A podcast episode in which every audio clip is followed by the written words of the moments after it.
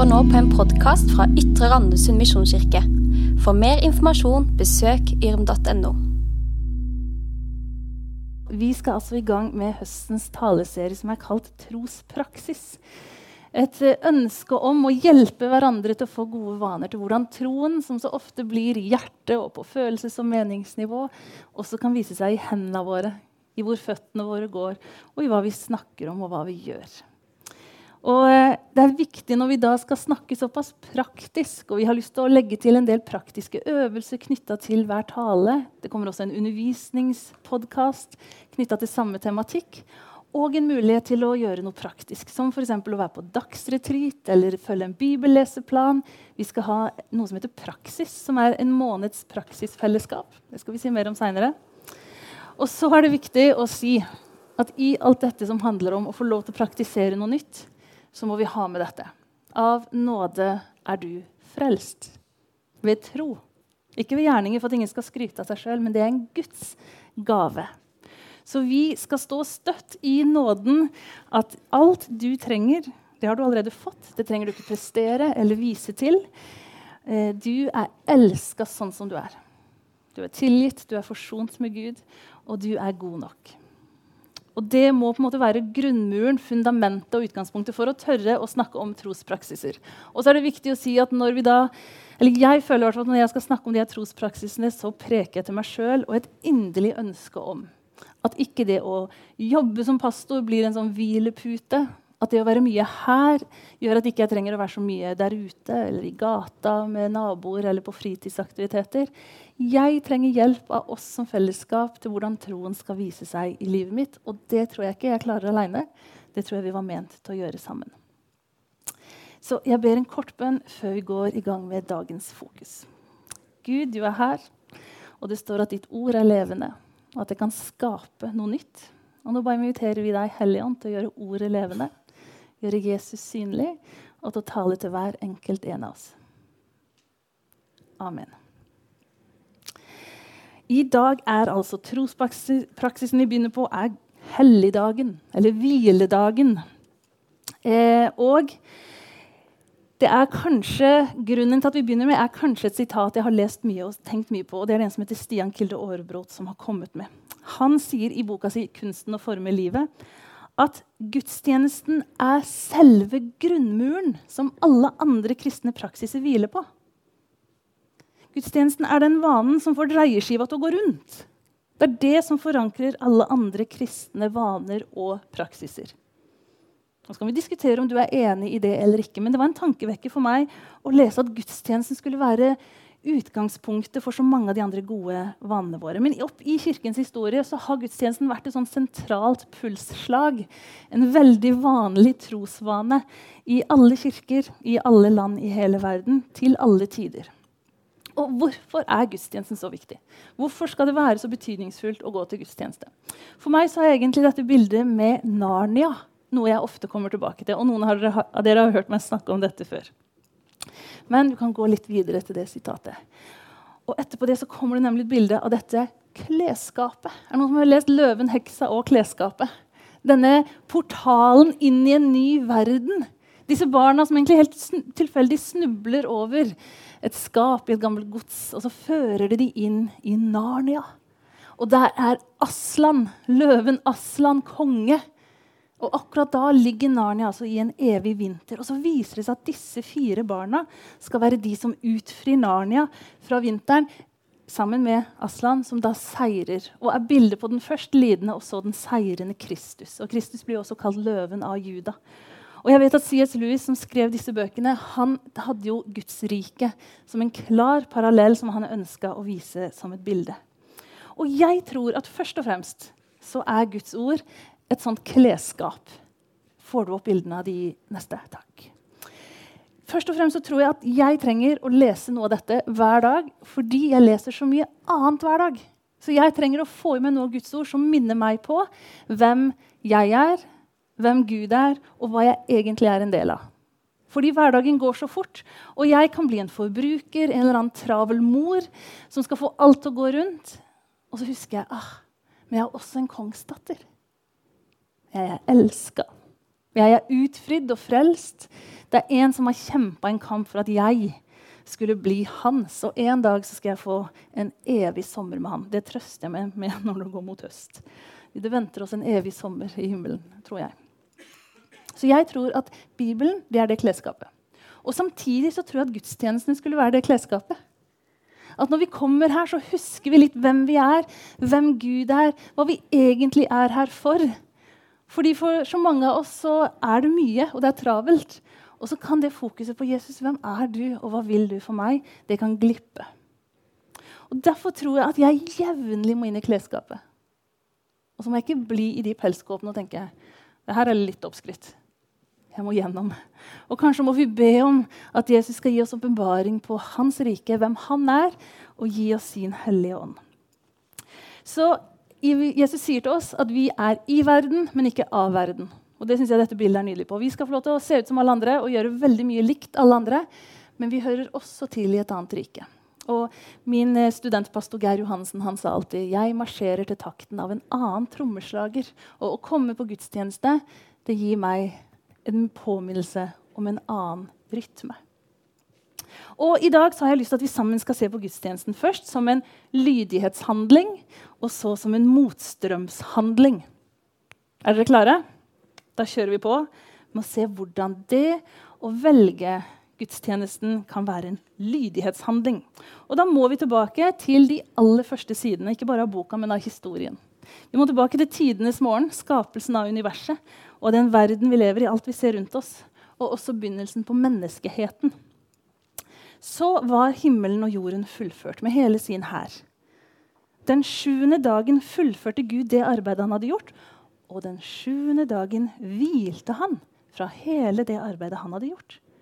Gud velsigna den sjuende dagen og helliget den. For den dagen hvilte han fra hele sitt arbeid, det som Gud hadde gjort da han skapte. Så Gud setter altså et eksempel som han så gir videre i et av de ti bud. For der står det 'Husk sabbatsdagen og hold den hellig'. Seks dager skal du arbeide og gjøre all din gjerning, men den sjuende dagen den er sabbat for Herren din Gud. Da skal du ikke gjøre noe arbeid, verken du eller din sønn eller din datter. Verken slaven eller slavekvinnen din, verken buskapen din eller innflytteren som bor i byene dine. For på seks dager laga Herren himmelen og jorden, havet og alt som er i dem. Men den sjuende dagen hvilte han. Derfor velsigna Herren sabbatsdagen og helliget den. Når du leser det sånn, så kunne jo ikke oppfordringa vært tydeligere. Seks dager kan du arbeide, styre på som vanlig, men én dag er avsatt til hvile. Men ikke bare til hvile, den er avsatt til sabbat for Herren din Gud. Og Ordet sabbat bruker jo ikke vi så mye. Det er en del av den jødiske tradisjonen. Men definisjonen er å avstå fra og gå hvile. Så vi kaller det søndag og gudstjenestedag. Men innholdet i dagen skal altså være å avstå fra og å hvile. Og Jesus praktiserte sabbaten. Han utfordra den og omdefinerte noe av den, men han var tydelig på at det var den dagen som var avsatt til Gud. Så Den kristne kirke har til alle tider hatt den ene dagen som en hellig dag, og som da etter hvert i den europeiske, moderne, europeiske historien ble søndag. Og etter hvert fikk søndagen selskap av lørdag, og så fikk vi konseptet helg. Men søndagen er i Guds ord definert som noe annet enn helg. Den er en hellig dag, der vi skal få avstå fra noe for å hvile. Og så har vi jo nok av eksempler fra historien på at det ble tolka veldig strengt. Det var så mye som var fy-fy og forbudt på søndager. Enten det var liksom strikking eller plystring eller kortspill og diverse andre ting. Og noen av dere kanskje kjent at å, søndagen har jeg litt sånn dårlige assosiasjoner til. Kanskje ble du alltid tatt med til kirke, og det var litt mot din vilje. Kanskje var det en dag for å kjede seg. Så tenker det voksne seg når du ser på barnet deg, tenker det hadde du godt av. Men det var jo ikke så gøy da. Selv om vi gjerne vil at barna våre skal kjede seg litt nå. Men kanskje har den pendelen svingt andre veien. At der søndag kunne bli litt sånn lovisk og litt streng, så er søndagen blitt veldig lik alle andre dager.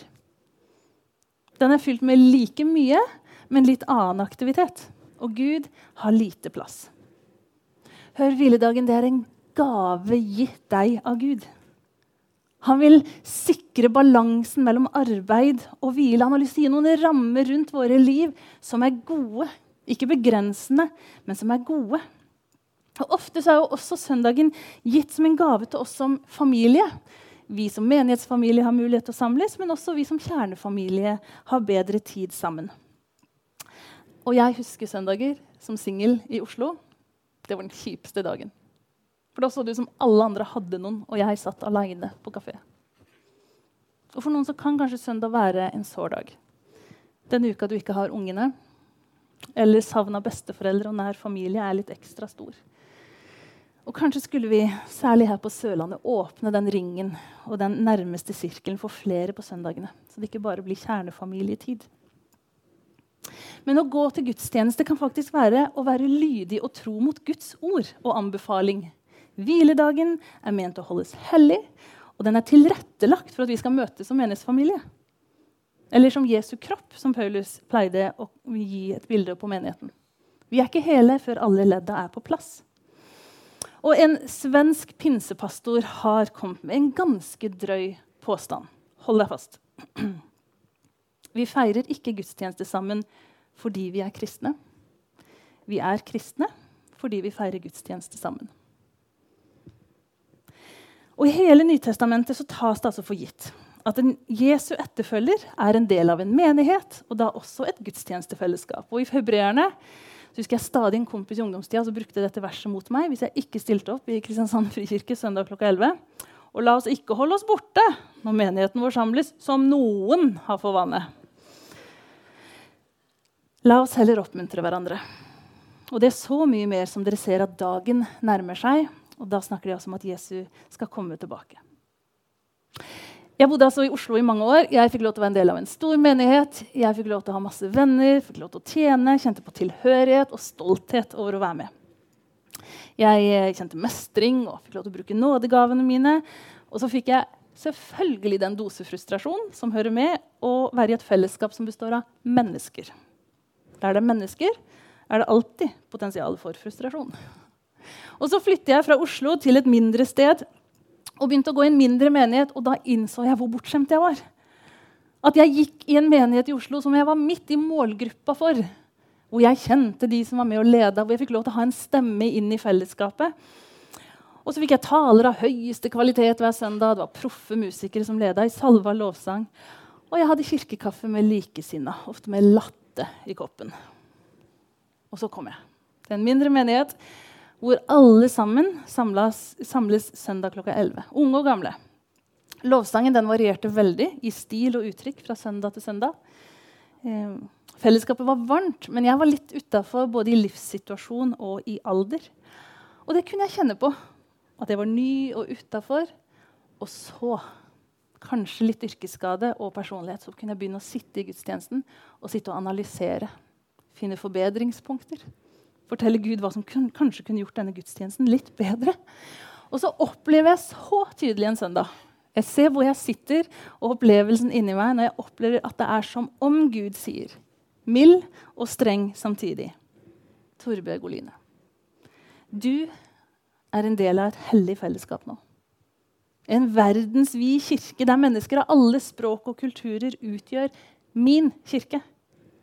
Og du er her ikke bare for din skyld, men for å være en del av min kirke. Og så jeg hørte sånn hjertesukk at jeg elsker min kirke. Og jeg vil at du skal se med godhet på min kirke. Ouch. Gudstjenesten handler ikke om meg, mine følelser, mine meninger eller min musikksmak. Jeg var altså ikke ment å møte gudstjenesten med en sånn forbrukermentalitet. What's in it for me? Nei, Vi er kalt å løfte blikket høyere og da er det en lydighetshandling der du og jeg slutter oss til en verdensvid kirke som i løpet av dette døgnet har feira gudstjeneste fra sola har stått opp og til den går ned. Noen i skjul, noen i hemmelighet med livet som innsats. Noen i store og noen i små forsamlinger. Men det er en hellig handling, og det er en slitesterk trospraksis. Å gå til gudstjeneste er derfor en lydighetshandling. Men å gå til gudstjeneste det kan også være en motstrømshandling. Gud unner oss en hviledag. Jeg tror Gud er en livsnyter som unner oss det samme. En dag med god tid. men også en annerledes dag med løfta blikk. Jeg tror at Gud med sitt eksempel fra skapelsen gir et forbilde på at det er nødvendig å hvile.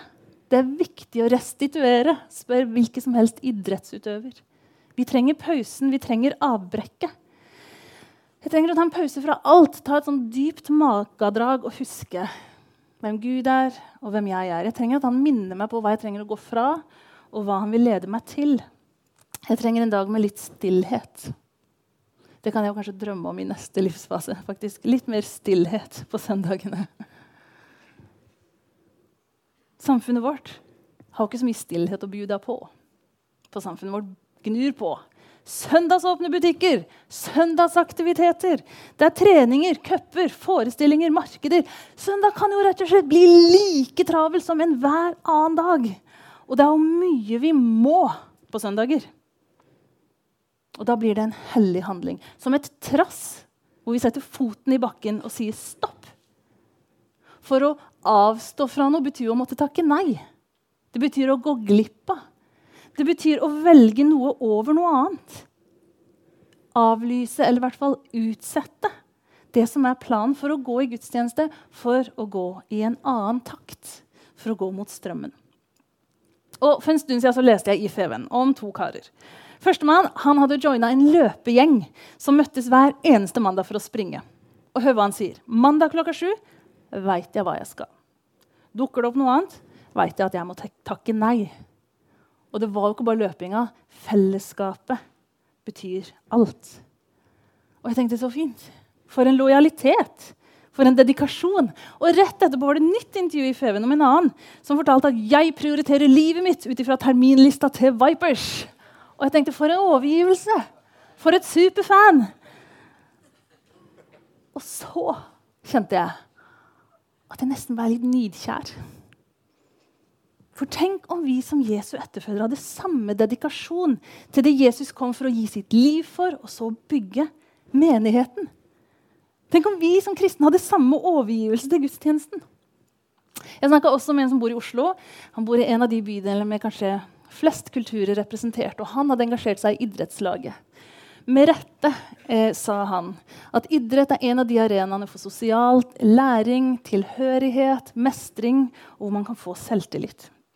Og det var viktig for dem at idrettstilbudene skulle inkludere flere kulturer og nasjonaliteter. Og så oppdaga de ganske kjapt i sesongen at torsdag ettermiddag var det helt umulig å ha trening, for da var det så mange på laget som skulle på koranundervisning. Og da var det en enkel sak for dem å flytte den treninga. Fordi det var så viktig for dem at også de var inkludert. De flytta treninga og unngikk det dilemmaet. Tenk om vi som kristne tok søndagen tilbake som helligdag. Tenk hvis vi satte gudstjenesten høyt som en selvsagt trospraksis. Tenk om vi sa søndag klokka 11 veit jeg hva jeg skal. Dukker det opp noe annet, veit jeg at jeg må si nei. Eller jeg prioriterer livet mitt ut ifra programmet til kirka. Hvorfor blir vi så imponert over dedikasjonen til trening, og så er vi så redde for å virke helt sånn fanatiske eller rare om vi lever med samme overgivelse til kirka? Kanskje må vi gjenoppdage storheten av det kongeriket vi er en del av. Kanskje må vi be Den hellige ånd om å vise oss hvem Jesus er. Og kanskje kan faktisk det å se eh, Narnia-filmene med Aslan som et helt nydelig bilde på hvem Jesus er. Og jeg har lyst til å anbefale The Chosen, som er en gratis app som også gir et sånn fantastisk bilde av hvem Jesus er. Kanskje må Jesus bli levende for oss igjen. Og kanskje skulle vi på en ny måte be om å få se storheten i det å være et kristent fellesskap. Og jeg ber om at vi alle skal få kjenne den vissheten i at å tilhøre Jesus det er goder, og det er velsignelser og det er løfter oppfylt. Han ønsker å være ditt samme håp. Han ønsker å forsørge deg i møte med både høye strømpriser og rentehopp og hva enn det er som gjør deg bekymra eller søvnløs. Han ønsker å være din forsørger. Han ønsker å være din lege og din helbreder i møte med sykdom. Han ønsker å være din trøster og ditt lys. Han ønsker å være din fred. Han ønsker å komme inn i de relasjonene hvor det knirker, eller hvor det ikke er noe kommunikasjon lenger. Han har lyst til å komme inn med håp og fremtid. Og så har han lyst til å komme med sannhetsånd der forvirring eller løgntanker regjerer, og hvor det er tungt å ta neste steg. Og Hvis du er her i dag og ønsker å ta imot Jesus, så er du kommet til rett sted. Og En måte å gjøre det på er ved å ta imot nattverden etterpå. Det er en bekjennelse. At du ønsker å la Jesus ta plass i livet ditt. Men jeg kommer også til å stå bak ved det som er biblioteksdøra hvis du ønsker forbønn. Uansett for hva, men også ønsker å gi muligheten til å ta imot Jesus. Jeg tror nemlig at hvis vi som Guds folk, og hvis vi som Yrm hadde prioritert annenhver søndag uansett, så hadde vi vært på et annet sted som fellesskap. Vi hadde ikke vært her. Det hadde vært for fullt.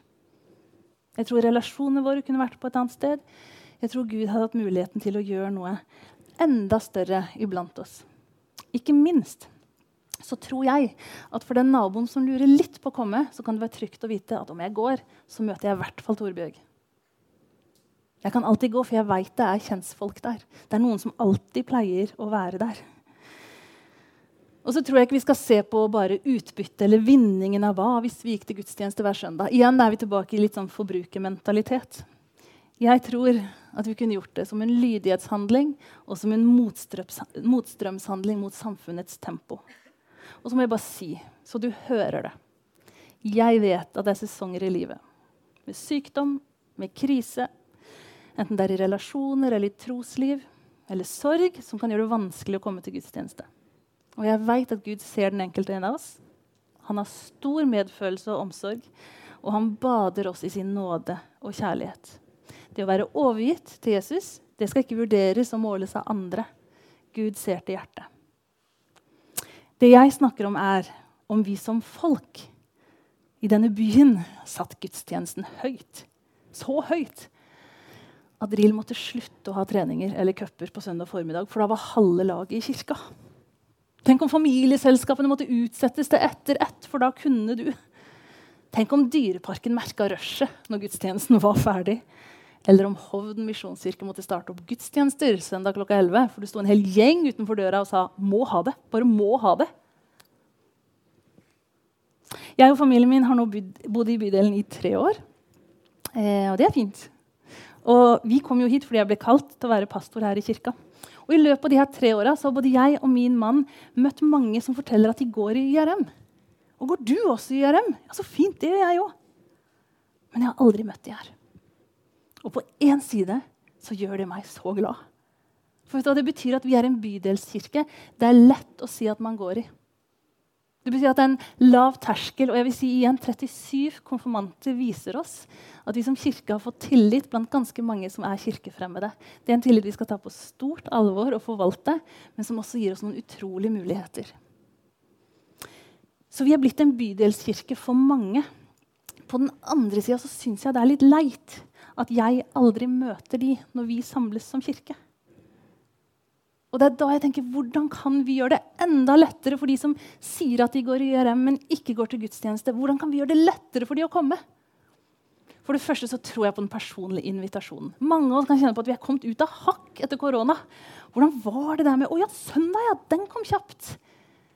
Noen syns det var veldig deilig med hjemmesøndager. Og mange har kjent at de kanskje har rydda i kalenderen, og så har kirka fått litt mindre plass. Det er stor forståelse for. Samtidig så tror jeg at hvis det var én vane som var viktig å holde på for meg, og ikke minst for mine barn, som ser hva som skal være viktig for meg, så er det å komme til gudstjenesten, som jo bare er annenhver søndag, med mål om at vi også skulle ha en hvilesøndag innimellom. Kanskje. Hvis enda flere kommer hver, så må vi snart oppjustere til hver søndag. Og så tror jeg at Hvis vi bare velger å være her, så kan det hende som sagt at noen sier vet du hva, i dag blir ikke mannen med. I dag får jeg ikke med meg ungene. Men jeg går, for jeg veit jeg treffer kjentfolk. Og jeg veit at det er noen som hilser på meg, og jeg veit at jeg har noen å prate med under kirkekaffen. Kanskje skal vi gå tilbake til ungdomstida og bli Skal vi møtes utenfor? Skal vi ta følge? Vil du sitte på, sånn at veien hit til kirka skal bli så enkel som mulig? Vi, eh, vi er midt i en tid med sine utfordringer og sine muligheter. Og nå begynner vi altså med dette med trospraksiser og med gudstjenesten som en start. Og jeg har gått liksom gnudd på et sitat som jeg ikke har på veggen, men det er Magnus Malm eh, som har sagt i, inn i den samtalen som for mange handler om bekymring for utvikling av samfunnet, eller hva som uroer, uroer de ved hva barn og unge møter, eller ved psykisk helse, så sa han i møte med påstanden om at vi lever i et veldig sekularisert samfunn nå. Var mye bedre før, er det lett å tenke. Men Magnus Malm sin påstand er at sekulariseringa den skjer ved alle gudstjenester du ikke går på alle bønnene du ikke ber, alle gangene vi ikke åpner ordet. Det er ikke noen andre sin skyld, verken media, skole eller samfunnsinstitusjoner. Han sier at det er vi som kristenfolk som kan ta tilbake noen trosvaner som hadde gjort at Guds rike fikk mer plass. Vi har altså knytta en øvelse, en sånn praksis, til hver tale i høst. Og dagens praktiske output er her er søndagens gudstjenester, altså søndagsgudstjenestene i høst. Hvis vi får opp bilde av alle datoene i høst. Og nå skal du få lov til å ta opp mobilen under talen. Jeg tar det ikke som en fornærmelse hvis du har lyst til å notere inn alle datoene. Så slipper de å komme så overraskende på. Og så kan det jo hende at du eller dere hjemme skal snakke om hvilke skal vi velge oss ut. Hva skal være viktig for oss? Aller helst alle. Og så vet vi jo at noen av oss er invitert på reiser, noen av oss har viktige familiebegivenheter, og mange har idrettsarrangementer på søndag formiddag. Kanskje er det litt drøyt å liksom dra ungen din ut av laget første halvåret fordi du har hørt en god tale, men kanskje vi over tid kan se at helligdagsloven vet du det? Helligdagsloven, norske lover, så står det faktisk at det ikke er lov med arrangementer i kirketid mellom 11 og 1. Og så er det noen unntak som er rått utnytta, sånn at det også ofte skjer. Men her er datoene, og jeg har så lyst til å se deg. Men ikke kom for min skyld, da. Ikke kom for å være pliktoppfyllende eller for å få kreds. Men gjør det som en lydighetshandling. Be til Gud om hvordan eh, du kan få bruke helligdagen enda bedre. Hva han gir deg av hvile. Jeg vet at jeg må bli bedre på å hvile for det er så lett for meg å bare se på telefonen. Og det er ikke hvile, det er egentlig bare enda flere inntrykk. Jeg trenger mer stillhet uten inntrykk. Og det kan være en motstrømshandling. Og jeg vet at det kan være krevende hvis du er den i familien som vil, og ingen andre vil. Og kanskje kan det være krevende at det er der du møter motstrømmen. Men da vil jeg oppmuntre deg til å bli med i et motstrømsfellesskap som vi er. Nå kan lovsangstimen komme opp. og Jeg vil bare avslutte med det løftet som Jesus sier til Martha, som hadde så mye å gjøre, i kontrast til Maria, som ofte får mye kreds for at hun satte seg ved føttene til Jesus. Men han sier altså dette løftet. Søk først Guds rike. Først så sier han ett er nødvendig. Og det tenker jeg, Hvis Jesus skulle snakka til oss i 2022, så er det som Jesus kanskje kunne sagt til oss Folkens, jeg veit om planene. Jeg veit om kalenderen din. Jeg veit om alle dugnadene, selskapene, turene. Men ett er nødvendig. Søk først Guds rike, så skal du få alt det andre i tillegg. Prøv han på det. Søk først Guds rike. Og så alt det andre, der skal du få mer enn du går glipp av. Amen.